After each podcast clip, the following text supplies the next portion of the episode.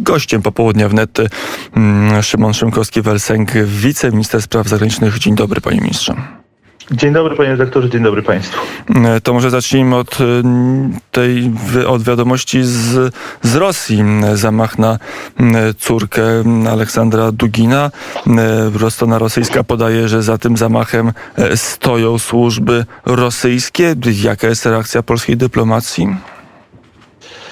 Wie pan, niewątpliwie e, no, nie sposób, żeby wyrażać satysfakcję z czyjejś śmierci, w tym przypadku 29-letniej kobiety. E, natomiast wiele wskazuje na to, że celem zamachu e, był jej ojciec, ideolog, bliski współpracownik Władimira Putina.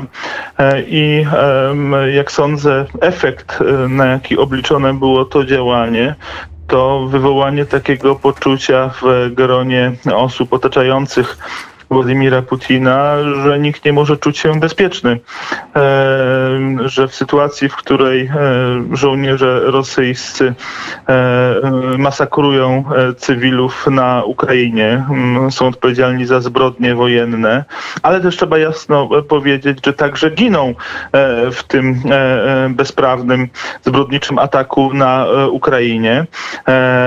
Wiele trumien wraca do Federacji Rosyjskiej. Ta świadomość świadomość tego, że wielu rosyjskich e, e, żołnierzy w tej e, nieuzasadnionej, zbrodniczej wojnie wywołanej przez Rosję również ginie jest coraz szersza, ale że ci, którzy są inspiratorami w istocie tej wojny, nie mogą czuć się bezpieczni w swoich podmoskiewskich daczach, czy w swoich, jakby się wydawało, bezpiecznych lokalizacjach gdzieś w sercu Rosji. To rzeczywiście no, jest taki sygnał. A na ile, jeżeli to będzie prawda, bo to są informacje rosyjskie. Mm, nie wszyscy, a przynajmniej mówiący te słowa, nie bardzo w nie wierzą, ale gdyby się okazały prawdziwe, to Rosja będzie oczekiwać jakiegoś potępienia. Nie wiem, czy znajdzie takich, o, to, takie kraje, które chciałyby razem z nią potępić ten atak w Europie. Dzisiaj e, Rosja jest krajem, który jest powszechnie oceniany jako kraj prowadzący e, działania e, terrorystyczne, winny zbrodni wojennych, atakujący cywilów i nie wiem, czy ktokolwiek będzie chętny z krajów europejskich, żeby stanąć w szeregu tych, którzy znajdują jakieś usprawiedliwienie dla Federacji Rosyjskiej. Temat pewnie nie będzie miał większych implikacji i przełożenia na sprawy międzynarodowe, no ale inny temat, który związany jest z relacjami Rosja-Unia Europejska na pewno, e, czyli kwestia zakazu wydawania wiz turystycznych dla obywateli Federacji Rosyjskiej. Jest możliwość konsensusu, jest możliwość przekonania Berlina i innych stolic, żeby przyjąć takie rozwiązanie? Pracujemy nad tym. Ta koalicja państw, e, które opowiadają się za e, zdecydowanie bardziej restrykcyjną e, polityką jest coraz szersza.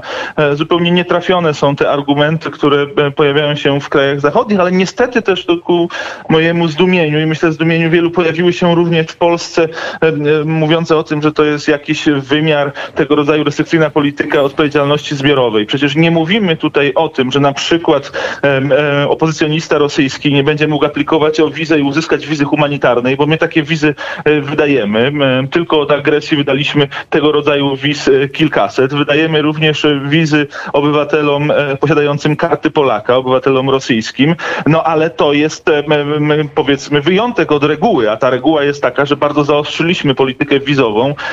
Jest wydanych o 80% wiz mniej niż w analogicznym okresie roku poprzedniego i chodzi o to po prostu, żeby Rosjanie nie mogli sobie tutaj podróżować na wczasy, wypoczywać w Europie w trakcie, kiedy władze, władze ich kraju e, prowadzą krwawą wojnę na Ukrainie. I do tego namawiamy e, na poziomie unijnym inne państwa, żeby ta polityka wizowa była po prostu sprawiedliwym, e, można powiedzieć sprawiedliwą odpowiedzią na to, co w tej chwili dzieje się na Ukrainie. Mm, nie ma takiej zgody, ale zdaje się, że jest sojusz, sojusz części państw Unii Europejskiej, które będą te wizy blokować. Jak to może wyglądać? Czy po prostu część państw państw, tak jak Polska, do tej pory nie będzie tych wiz wydawać, czy będzie jakiś inny mechanizm? Jak do tej pory, zresztą to Polska przestała tutaj wydawać co do zasady wizy w celach turystycznych jeszcze w lutym tego roku, więc my tą politykę restrykcyjną niemal zaraz po agresji zaczęliśmy stosować.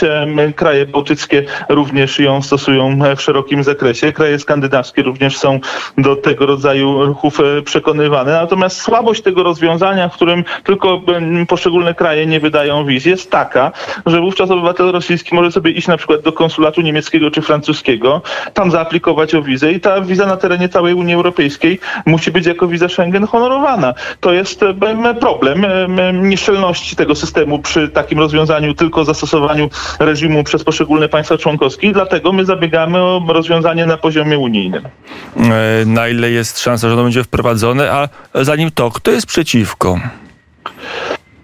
Wie pan, panie redaktorze, wydawało się w przeszłości, że różne rozwiązania, o które zabiegaliśmy, nie mają szans wprowadzenia, choćby wspomnę tutaj o masowej wysyłce broni wspierającej e, Ukrainę. Poszczególne państwa, początkowo bardzo niechętne do tego, jednak udawało się przekonać. Później były kwestie sankcyjne, e, gdzie w kolejnych koszykach sankcji udawało nam się przekonywać do coraz bardziej ambitnych rozwiązań. Później kwestia członkostwa Ukrainy, e, jej statusu procesu kandydackiego w Unii Europejskiej, no, kropla drąży skałę. Jesteśmy bardzo aktywni na wielu frontach po to, żeby pozyskiwać sojuszników do bardziej ambitnych decyzji. W tej sprawie mam nadzieję, że też osiągniemy sukces, chociaż no, wymaga to czasu i ciężkiej pracy.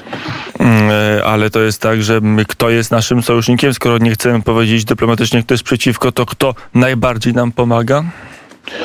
Państwa bałtyckie, państwa skandynawskie, Europa Środkowo-Wschodnia e, to jest tutaj ten region, który w tej sprawie ma dość wyrobioną opinię. Natomiast tak jak w szeregu e, e, innych e, spraw, e, jak chodzi o podejmowanie decyzji, klucz do podjęcia tych bardziej ambitnych decyzji jest w Berlinie, jest w Paryżu. E, to są te państwa, które cały czas musimy przekonywać. Mm, a Węgry, że tak zostanę w naszym rejonie Europy Środkowej? Węgry rzeczywiście też są krajem, który w tej sprawie wymaga pracy i z naszymi partnerami węgierskimi, no muszę powiedzieć, prowadzimy wiele niełatwych rozmów, pokazując, że konieczne są dalej idące decyzje. W części te rozmowy odnoszą sukcesy, w tej sprawie też jeszcze nie, to wszystko przed nami. To teraz wejdźmy na wyższy mm, poziom dyplomacji. Czytam dość wnikliwie, przynajmniej staram się artykuł mm, profesora Zbigniewa Rała, ministra spraw zagranicznych Zagranicznych Rzeczpospolitej na stronie ósmej dziennika Rzeczpospolita Unia Równych artykuł, który jest dużym ostrzeżeniem, ale też można powiedzieć nawet oskarżeniem wobec niektórych kierunków rozwoju Unii Europejskiej. E, to jest zapowiedź nowej, bardzo bardziej aktywnej polskiej polityki na rzecz wstrzymywania integracji europejskiej czy centralizacji europejskiej. Czy to nie jest e, żadna nowość w polskim spojrzeniu na to, w jakim kierunku powinna się rozwijać Unia? Bo my od lat opowiadamy się za tym, żeby Unia Europejska bazowała na solidarności państw członkowskich, na partnerskim e, e, stosunku do siebie poszczególnych państw składających swoje polityki zagraniczne w ostateczne decyzje już dyskutując o tym na Radzie Europejskiej, a nie żeby była zdominowana tylko polityką zagraniczną niektórych państw członkowskich, e, która wymusza dopasowanie się do tego nurtu innych krajów członkowskich. E, to jest ta zmiana, która nastąpiła po roku 2015, kiedy właśnie polityka zagraniczna Polski była polityką bliższą e, płynięcia w głównym nurcie, który w Unii Europejskiej wyznaczają inni. My, my chcemy ten nurt, w którym porusza się Unia Europejska współkształtować i uważamy, że mamy do tego suwerenne prawo. To, że w tej chwili jest mocniej ta kwestia akcentowana, wynika z tego, że te zagrożenia e, e, przyszłego funkcjonowania Unii Europejskiej wydają się narastać. Widać, że instytucje europejskie e, e poruszają się e, na granicy, bądź czasami poza granicami traktatów, że nadużywają swoich kompetencji, których nie przypisały im państwa członkowskie. widzimy, że pojawiają się w poszczególnych państwach tendencje federalistyczne, które zamierzają sobie poradzić z, w cudzysłowie, problemem tego, że niektóre państwa nie akceptują ich wizji rozwoju Unii Europejskiej poprzez na przykład zniesienie zasady jednomyślności w odniesieniu do niektórych obszarów. No, na to wszystko nie możemy się zgodzić, choćby z takiego powodu, że my życzymy dobrze Unii Europejskiej i jej przyszłości. Chcemy usytuowania Polski w Unii Europejskiej, ale w takiej Unii Europejskiej, która jest siłą, której siłą jest solidarność państw, a nie w której siłą wymusza się pewne decyzje. Wbrew bowiem często wyrażanym przekonaniom organizacje międzynarodowe same w sobie nie stanowią antytezy imperializmu. Każda taka organizacja może stanowić jego antytezę jedynie wtedy, gdy oparta jest na fundamencie wolności i równości wszystkich państw członkowskich. To takie słowa, które można czytać jako dość poważne oskarżenie w kierunku Unii Europejskiej albo, słowo, albo, to, to albo ewolucji słowa, które Unii Europejskiej. nie padają tylko w Polsce. Zwracam uwagę e, na e, publikacje w różnych e, krajach. No, ostatnia publikacja choćby w Die Welt, w której mówi się o tym, że Niemcy niewystarczająco włożyły dużo wysiłku w ostatnich latach, żeby uczynić z Polski równoprawnego partnera, który współkształtuje Unię Europejską, a raczej poświęciły się temu, żeby występować z pozycji pozycji e, takiego no, starszego, e, lepiej e, wiedzącego nauczyciela. To jest diagnoza sytuacji, którą ja uważam za, za trafną i która pada nie tylko ze strony polskiego ministra spraw zagranicznych profesora Zbigniewa Rała, czy ze strony premiera Mateusza Morawieckiego, ale która również jest oceną w niektórych innych krajach. No niestety jeszcze nie oceną dominującą. Wydaje mi się, że takie otrzeźwienie przydałoby się wielu politykom, którzy nie powinni pchać Unii Europejskiej w istocie na mieliznę, bo jeżeli zacznie się decyzję siłą wymuszać, jeżeli państwa członkowskie, za tym idzie ich obywatele, e, będą się czuli w Unii Europejskiej nie jak u siebie, tylko jak goście, których ktoś no, zaprosił do pewnej organizacji, a później już mówi im, co mają robić, no to może oznaczać dla Unii Europejskiej tylko jak najgorzej. Mm, e, tutaj padają słowa, jeszcze kolejny cytat i tak będę cytował i prosił o komentarz pana ministra do kolejnych słów e, ministra e, profesora Zbigniewa Rała. E, zatem współczesny ład europejski, ład Unii Europejskiej nie chroni nas przed erozją wolności i równości państw członkowskich, która, jak pokazuje doświadczenie, sprzyja oddadzeniu się imperializmu. W tym kontekście stworzenie instytucjonalnych warunków dla objęcia przywództwa w Unii Europejskiej przez Niemcy, ten brak wolności i równości by tylko zasadniczo spotęgował. No, minister Rał rzuca rękawice kanclerzowi Scholzowi, który wprost o tym przywództwie nie dalej jak parę tygodni temu mówił. Ale też minister Rau wskazuje na to, i zresztą o tym też mówił prezes Jarosław Kaczyński. Wydaje mi się, że też wspominał o tym pan premier Mateusz Morawiecki w jednej ze swoich publikacji, że gdyby rzeczywiście było tak, że zgodzilibyśmy się z tym, że e, Niemcy nadają ten główny kierunek Unii Europejskiej, no to biorąc pod uwagę skalę błędów, jaką popełniono e, e, w polityce wschodniej przez Republikę Federalną Niemiec w poprzednich latach, no to powinniśmy być pełni obaw co do tego, czy pewnym iluzjom naiwności e, połączonej z e, interesami gospodarczymi e, należy w tej sprawie ulegać, jak chodzi o spojrzenie Niemiec. Ja też podzielam te wątpliwości. To jaki będzie przekład tego, tych test pana ministra na realną dyplomację europejską? Wiele osób mówi, że na jesieni Ursula von der Leyen ogłosi projekt zmian, między innymi odejście od jednomyślności.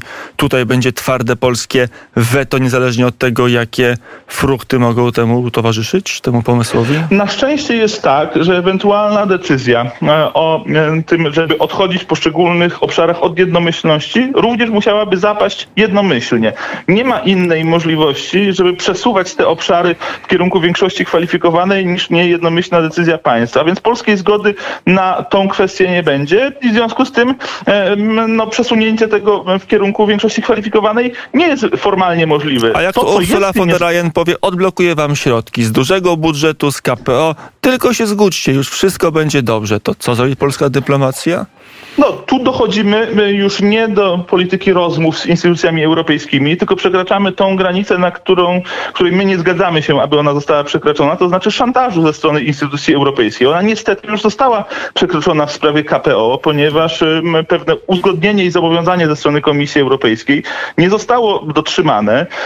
Negocjacje były prowadzone i my cały czas jesteśmy na negocjacje i rozmowy otwarci, natomiast no, nie zgodzimy się na politykę szantażu. Tak i w sprawie KPO, jak i w sprawie ewentualnych zmian e, traktatowych. To jest oczywiste, bo to doprowadziłoby do erozji Unii Europejskiej i to byłby proces, który postępowałby w dramatycznym tempie, gdyby ktokolwiek się na to zgodził. Pan minister w ramach naszego MSZ-u za część polityki europejskiej odpowiada w tym sensie, że za relacje bilateralne z dużą częścią stolic Unii Europejskiej, w tym z Berlinem chociażby. Jak się zakończy ten spór dookoła KPO? To już jest pewne, że tych pieniędzy nie będzie, dopóki rządzi Prawo i Sprawiedliwość, że tak jest oficjalna, no może nie oficjalna, ale faktyczna wykładnia Komisji Europejskiej?